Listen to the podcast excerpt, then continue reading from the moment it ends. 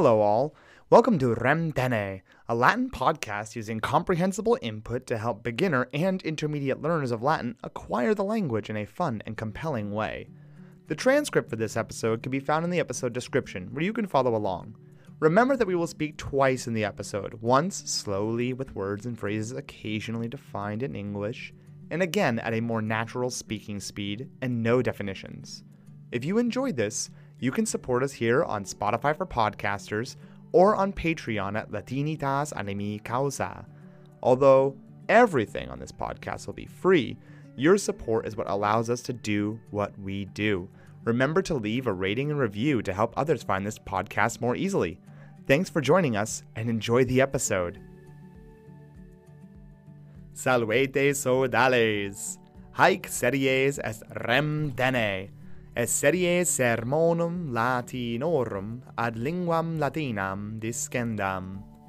Mihi nomen est Andreas, et hodie vobiscum de idibus martiis loqui volo. I want to talk about the Ides of March. De idibus martiis loqui volo. Hodie, today, hodie sunt idus Martiae. Idus Martiae sunt dies quintus decimus mensis Martii, the 15th day of the month of March. Dies quintus decimus mensis Martii.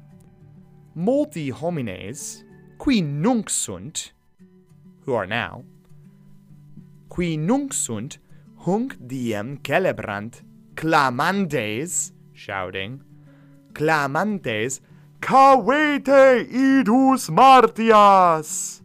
Beware the Ides of March. Cavete idus martias! Sed cur fortasse interrogatis? Anno quadragesimo quarto, year 44, anno quadragesimo quarto, ante aetatem nostram before common era ante aetatem nostram Gaius Julius Caesar ab senatoribus Romanis interfectus est was killed. Interfectus est. Julius Caesar fuit was fuit dux exercitus Romani, a general of the Roman army. Dux exercitus Romani, et totam Galliam vicit, conquered, vicit et oppressit. Postea Caesar exercitum Romanum in Italiam duxit, led duxit. Tum, then, tum exercitum ad urbem Romam duxit. Postea fuit bellum civile inter Gaium Iulium Caesarem et Naium Pompeium Magnum, Pompey the Great, et Naium Pompeium Magnum, Caesar Pompeium vicet, et tum fuit dictator perpetuo, in perpetuity, for forever, perpetuo. Hoc senatoribus Romanis non placuit, was not pleasing, non placuit. Dictator perpetuo est sicut rex like a king.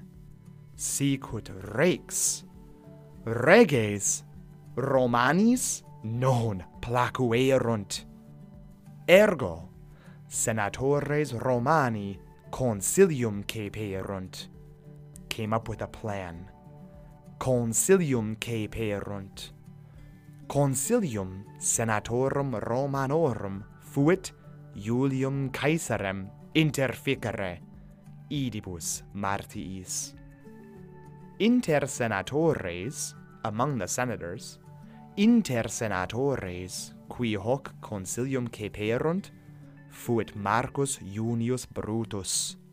Brutus amicus Caesaris fuit. In curia Theatri Pompeii, in the Senate House of the Theatre of Pompey, in curia Theatri Pompeii, Brutus et senatores Romani Caesarem interfecerunt. Caesar non dixit, et tu brute? Shakespeare hoc scripsit. Apud Suetonium, in Suetonius, apud Suetonium scriptorem Romanum, Caesar dixit Caesu technon? Sunt vocabula Graeca, quae significant, et tu, fili? Brutus non fuit filius Caesares, sed fuit amicus optimus. Idibus martiis, Gaius Julius Caesar, interfectus est, ab senatoribus Romanis, et multo postea, and a lot afterwards, a long time after, multo postea, Caesar Augustus est primus imperator Romanus. Cavete igitur, o auditores! listeners, o auditores, idus martias. Bene, nunc totam rem iterum dicam Celerius. Salvete, sodales! Haec series et rem dene, et series sermonum latinorum ad linguam latinam discendam. Mihi nomen est Andreas, et hodie mobiscum de idibus martiis loqui volo. Hodie sunt idus martiae, idus martiae sunt dies quintus decimus mensis martii. Multi homines qui nunc sunt, hunc diem celebrant clamantes Cavete idus martias! Sed cur fortasse interrogatis?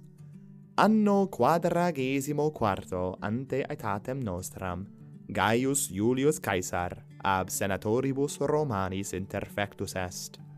Julius Caesar fuit dux exercitus Romani, et totam Galliam vicit et oppresset. Postea, Caesar exercitum Romanum in Italiam duxit. Tum exercitum ad urbem Romam duxit. Postea fuit bellum civile inter Gaium Iulium Caesarem et Naium Pompeium Magnum. Caesar Pompeium vicit, et tum fuit dictator perpetuo. Hoc senatoribus Romanis non placuit. Dictator perpetuo est sicut rex. Reges Romanis non placuerunt. Ergo, senatores Romani consilium ceperunt. Consilium senatorum Romanorum fuit Iulium Caesarem interficere idibus martiis. Inter senatores qui hoc consilium ceperunt fuit Marcus Junius Brutus. Brutus amicus Caesaris fuit. In curia theatri Pompeii, Brutus et senatores Romani Caesarem interfecerunt. Caesar non dixit, et tu, Brute? Shakespeare hoc scripsit. Apud Suetonium, scriptorem Romanum, Caesar dixit, Caesu tecnon? sunt vocabula Graeca, quae significant et tu fili? Brutus non fuit filius Caesares, sed fuit amicus optimus. Idibus Martiis, Gaius Julius Caesar interfectus est ab senatoribus Romanis. Et multo postea Caesar Augustus est primus imperator Romanus. Cavete igitur, o auditores, idus martias! Bene haec hodie habui quae digerem. Placuitne vobis hoc episodion? Nobis scribere potestis apud Apple Podcasts, well Spotify, well etiam situm nostrum habesnelac.com slash contact. Volumus audire responsa vestra. Gratias vobis agimus quia nos loquentes auditis. Speramus fore ut hoc episodion vobis placeat. Curate! ut in proximum valeatis et memento te remteneite verba sequentur.